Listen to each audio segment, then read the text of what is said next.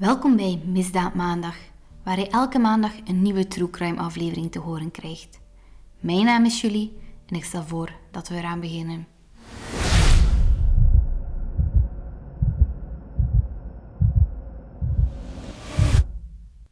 Maandag 7 mei 1984. De schooldag voor de 13-jarige Lieve zit erop en het meisje is klaar om naar huis te vertrekken. Alleen komt ze daar nooit aan. Intensieve zoektochten leveren niets op. En wanneer enkele maanden later haar lichaam wordt gevonden, wordt de zaak alleen maar ingewikkelder. Veertig jaar later blijven alle vragen onbeantwoord. Wat is er gebeurd met Lieve de Smet?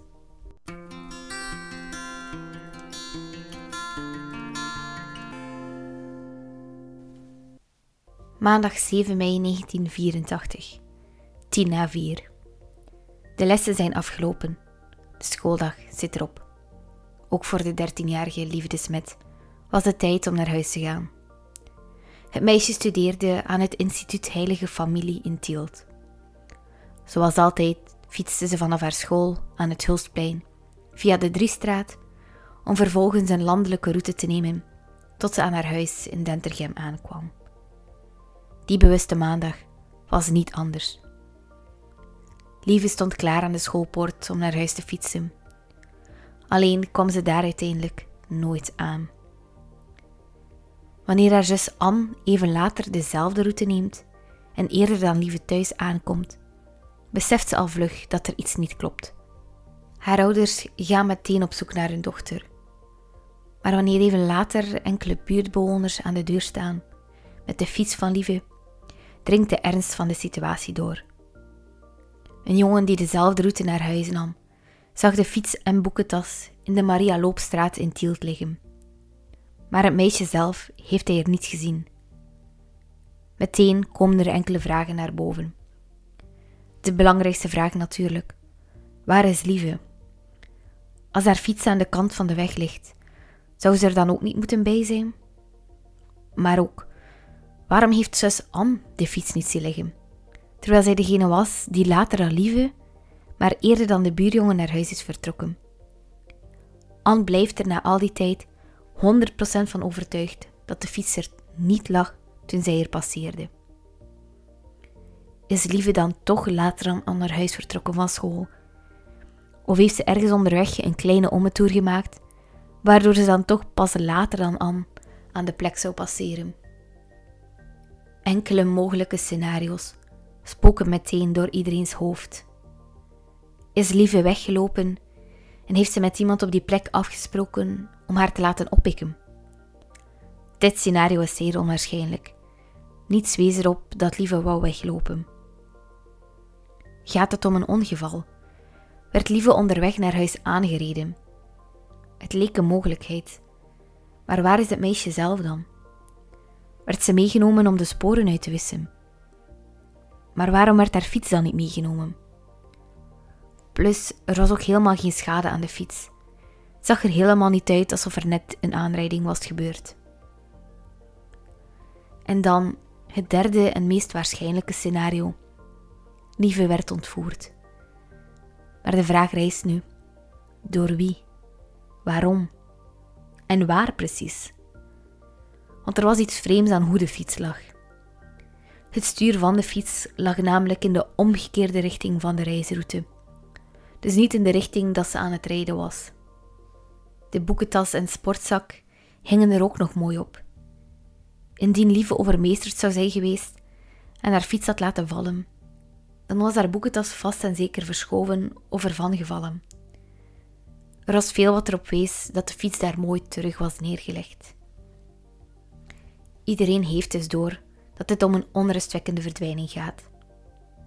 Er wordt dan ook meteen een zoekactie opgericht om het meisje te vinden, maar zonder succes. De zoekactie naar Lieve leidt niet tot het gewenste resultaat. En ook de dagen nadien blijft het stil. Tot haar ouders een anonieme brief krijgen, waarin te lezen staat dat de ontvoerder 1 miljoen Belgische frank zo'n 25.000 euro wil zien. Er werd gevraagd om het geld achter te laten op het kerkhof in Tielt. Anders zou hun dochter vermoord worden. De politie heeft er nadien op de loer gelegen, maar niemand kwam opdagen. De brief zorgde niet voor een doorbraak. En mogelijk was hij dan ook het werk van een grappenmaker. De uren, dagen en weken kropen voorbij, zonder dat er ook maar één spoor werd gevonden. Er kwamen heel veel tips binnen. Er waren geruchten en verhalen. Helderzienden passeren te pas en te onpas en boden hun diensten aan en wezen de plek aan waar lieve misbruikt zou zijn geweest. Nog steeds allemaal zonder resultaat. Maar dan, op zondag 29 juli, bijna drie maanden na haar verdwijning, doet de landbouwer een verschrikkelijke ontdekking. In zijn veld langs de oude Gentweg, vlakbij het dorp Kanegem in Tielt, op zo'n vier kilometer van de plaats waar haar fiets werd gevonden, lag het lichaam van Lieve de Smet. Naast het lichaam ligt een rode roos, vermoedelijk achtergelaten door de dader. Het meisje was half aangekleed en haar bril en sandalen waren weg. Ook ging er een koord rond haar hals. Voor de wetsdokter was het duidelijk. Lieve was gestorven door wurging. Het koord dat rond haar nek ging, was dan ook waarschijnlijk hetgeen waarmee ze gewurgd was. Het onderzoek naar mogelijk misbruik kon niet meer gebeuren omdat het lichaam al in een te ver gevorderde staat van ontbinding was. Maar men gaat er wel van uit dat het meisje seksueel misbruikt is geweest. Hiervoor hadden ze enkele verschillende redenen. De eerste is de kledij van het slachtoffer. Haar bovenkledij had ze wel nog aan, maar haar broek was uit en het leek erop dat haar ondergoed achteraf terug was aangetrokken. Ook het feit dat het hier om een vrouwelijk slachtoffer gaat, doet het vermoeden alleen maar groter worden. En Lieve leek ook iets ouder dan 13 jaar, dus de dader zag in haar waarschijnlijk een iets volwassener persoon dan ze werkelijk was. Toen Lieve geïdentificeerd moest worden, is de pastoor uit het dorp meegegaan met iemand van de familie. Maar de vraag bleef natuurlijk: waarom is Lieve uiteindelijk vermoord? De grootste theorie blijft dat de moord gebeurde om de sporen van seksueel misbruik uit te wissen. Lieve kan het niet meer navertellen. Ze kan de dader niet meer aanduiden. Er werd dan ook gewezen op het feit dat er niet veel geweld is gebruikt. Dit kan er misschien op duiden dat het slachtoffer een bekende van de dader was. Niet dat ze elkaar echt persoonlijk kennen, maar als ze elkaar bijvoorbeeld af en toe zien passeren langs de weg. Ze zouden dus eventueel met elkaar gelinkt kunnen worden. En daardoor denken de speurders alweer dat dat de reden is waarom hij het lichaam heeft verplaatst, zodat hij niet in verband kon worden gebracht met de plek waar Lieve werd gevonden. Tijdens het onderzoek had de politie veel verdachten. Als in de zin van mensen die zich vreemd gedroegen of waarover ze een tip kregen. Het was niet dat de onderzoekers concreet bewijs hadden die in de richting van een bepaald persoon wees. Een van deze verdachten was de toen 47-jarige Gustave van de Veire. De man was een vrachtwagenchauffeur, maar had ook een café. Hij woonde samen met zijn zoon in café Het vlak bij de overweg aan de Driestraat in Tielt een plek waar Lieve dagelijks voorbij kwam. Dat café bevond zich juist aan een overweg, dus het kon perfect zijn dat op het ogenblik de overweg gesloten was, dat Lieve daar stond te wachten en dat ze bijvoorbeeld het café werd binnengelokt met een smoesje. Dat was toen een van de hypothesen, mocht Gustave van de Veire er iets mee te maken hebben. Bovendien kregen speurders een anonieme brief waarin hij als de moordenaar van liefdesmet werd aangeduid. Uiteindelijk bleek dat die brief was geschreven door zijn eigen zoon, Daniel. Waarom hij die brief had geschreven, of wat er precies in staat, is niet bekend.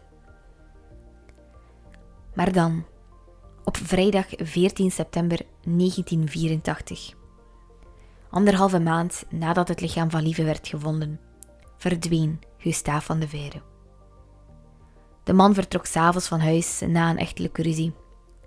Hij nam zijn auto, haalde al zijn geld af van de bank en verdween.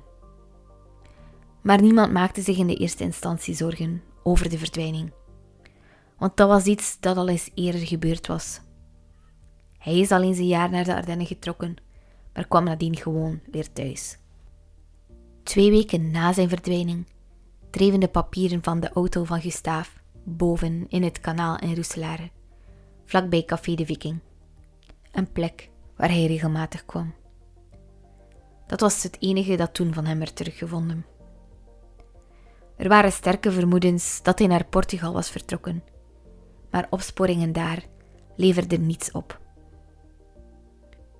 Bijna 25 jaar na de verdwijning en moord op Lieve, op 11 februari 2009, werd tijdens een zoekactie naar een vermiste man in de haven van Roeselare het wrak gevonden van een Volvo 144. Een alerte politieman legde de link met Gustave van de Veire en lichtte de speurders van de gerechtelijke politie in. Het was dan ook aan hen om de wagen te identificeren. Het was belangrijk om te achterhalen welk soort voertuig het was, productiejaar enzovoort. Alle kleine details konden hen helpen om een identiteit te kleven op het voertuig. Maar het was geen zo gemakkelijke opdracht. Het motorblok van de wagen is apart uit het water gehaald en daarbij hebben ze meer geluk. Met het nummer dat op het motorblok staat, proberen ze de herkomst te bepalen. Ik kon nergens vinden of het dan effectief om de auto van Van de Veire ging, maar waarschijnlijk is het wel het geval. Er werden ter plaatse geen menselijke resten gevonden. Opnieuw reizen er weer een aantal vragen. Is het effectief de wagen van Gustave van de Veire? Heeft de man een ongeval gehad of was het een wanhoopsdaad? Werd Gustave het slachtoffer van een bende werd hij gedumpt in het kanaal? Of misschien was Gustave helemaal niet aan boord en insceneerde hij het ongeval om vervolgens voorgoed onder te duiken. De vondst van het wrak was voor het parket van Kortrijk genoeg om opnieuw prioriteit te geven aan het dossier.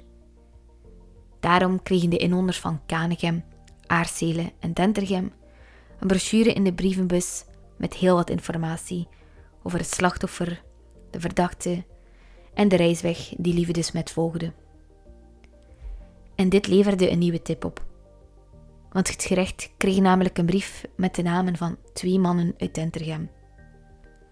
De twee werden in hun woning opgepakt door de federale politie. Het is niet zo dat ze meteen als verdachten werden gezien, maar gewoon als mogelijke getuigen. Na de ondervraging werden ze weer vrijgelaten. Voor zover wij weten, een doodspoor dus. Ook Telefax Crime maakte kort na de vondst van het wrak een reportage over wat er die bewuste maandag 7 mei 1984 was gebeurd. De speurders hoopten op die manier nieuwe informatie te krijgen, die alsnog leidt tot een opheldering van de feiten. Na de uitzending van Telefax Crime liepen alvast tientallen tips binnen bij de politie. Maar zoals we ondertussen wel weten, waren deze allemaal met weinig succes. Op basis van alle relevante informatie en een bezoek aan de plaats van de feiten hebben de medewerkers van de dienst gedragswetenschappen van de federale gerechtelijke politie een dadenprofiel opgesteld. Let wel, dit zijn puur hypothesen, niets kan met zekerheid worden gezegd. Wat volgt is een lijstje met kenmerken van de dader of van het misdrijf. De dader had duidelijk een band met de streek. De plaats waar de fiets was gevonden is niet echt een plek waar je zomaar terechtkomt. Het lijkt erop dat de dader de streek kende. Zijn woonplaats, of eventueel de plaats waar hij werkt, zal geen tientallen kilometers liggen van de vindplek van de fiets. De man weet dus waarschijnlijk ook op die plekken regelmatig kinderen of leerlingen voorbij fietsen. De dader nam ook een betrekkelijk groot risico. De misdaad gebeurde overdag en op een vrij open terrein, waar regelmatig fietsers passeerden. De dader toont geen empathie. Alcoholgebruik voor de feiten is mogelijk. Er speelden waarschijnlijk mogelijke andere stressfactoren in zijn leven, zoals relationele of financiële problemen. De dader handelde impulsief en uit opportuniteit. Hij handelde uit eigen belang en ter bevrediging van zijn behoeften. De dader had waarschijnlijk voorheen al handelingen van seksuele aard gepleegd. De persoon zou een zonderling kunnen zijn, heeft weinig contact met anderen. De dader kan zich na de feiten anders hebben gedragen, meer alcoholgebruik, opvliegend. Het lichaam is getransporteerd, want het werd op een andere plek gevonden dan waar het meisje verdween. Dit doet je denken aan iemand die krachtig is, iemand die een wagen ter beschikking heeft. Het zou ook erop kunnen wijzen dat de dader hulp heeft gehad van een andere persoon. Het lichaam is waarschijnlijk s'nachts gedumpt. Dit kan wijzen op iemand die werkloos is, iemand die in ploegen werkt, iemand die dus niet de gewone 9-to-5 job heeft. Natuurlijk zijn er in de loop van de jaren nog andere verhalen opgedoken of dingen gebeurd die erop wijzen wat er met Lieve zou zijn gebeurd of hier iets te maken mee had. Het eerste gaat over pastoor van Houten. Vermoed dat het om dezelfde pastoor gaat die het lichaam van Lieve heeft geïdentificeerd. Van hem werd gezegd dat hij in de biechtstoel te weten was gekomen hoe de vork aan de steel zat, wie er Lieve had vermoord en waarom, maar dat hij dat niet naar buiten kon brengen, omdat hij het biechtgeheim moest respecteren. Ik hoop oprecht dat dit niet waar is, want ik zou het verschrikkelijk vinden voor de familie dat men nooit te weten is gekomen wie de dader was, puur omdat de pastoor het biechtgeheim moest respecteren. Ook gebeurde er in het gemeentehuis vele jaren later plots iets vreemd. Burgemeester Koenraad de Grote wandelde op een dag zijn kantoor binnen, waar hij een anonieme brief op zijn bureau zag liggen. Daarin werd de moord redelijk minutieus beschreven. Maar uiteindelijk is men nooit te weten gekomen wie de brief heeft geschreven. Of het effectief om de dader gaat, of iemand die de dader kent, of als het om een grap ging. 2014 verjaarde de zaak en heeft de onderzoeksrechter in Kortrijk het dossier afgesloten. Dit betekent niet dat er niet meer wordt omgekeken naar de zaak, maar er wordt gewoon geen actief onderzoek meer gedaan. Natuurlijk zullen tips die binnenkomen worden onderzocht. Maar indien de moordenaar van Lieve ooit wordt gevat, zal deze helaas nooit een straf moeten uitzitten voor zijn daden. Na al deze jaren is de politie nog steeds op zoek naar Gustaaf van de Veire.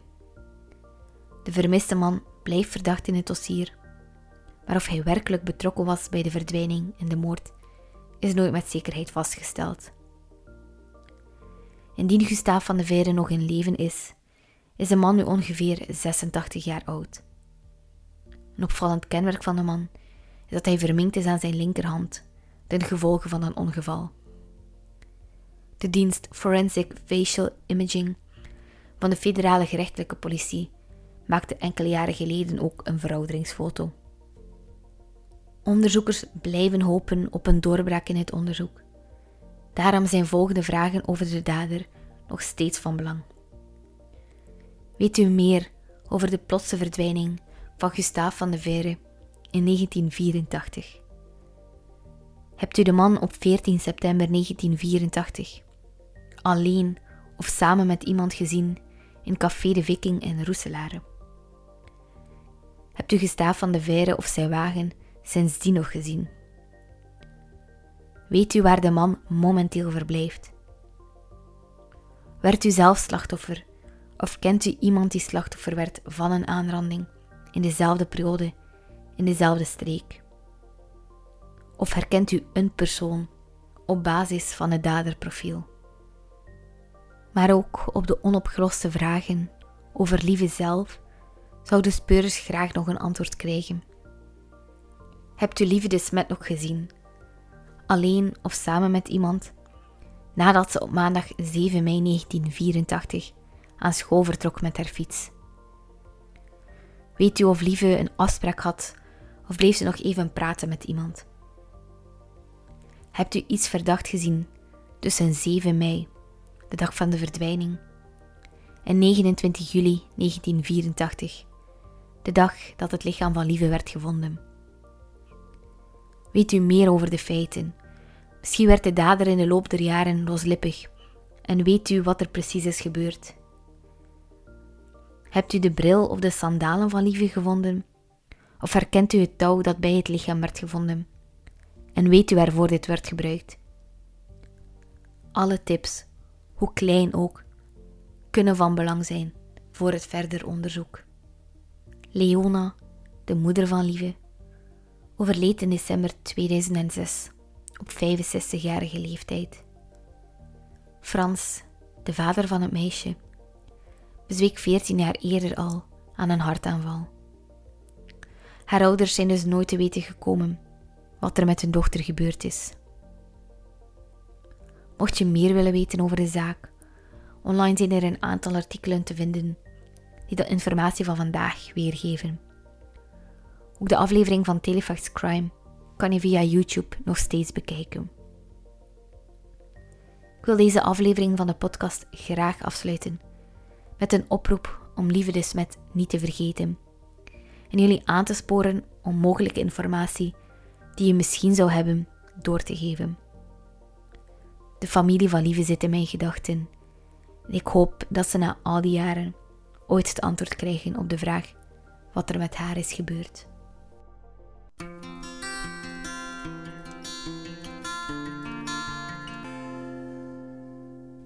Dankjewel voor het luisteren en hopelijk tot volgende maandag bij een nieuwe aflevering van Misdaad Maandag.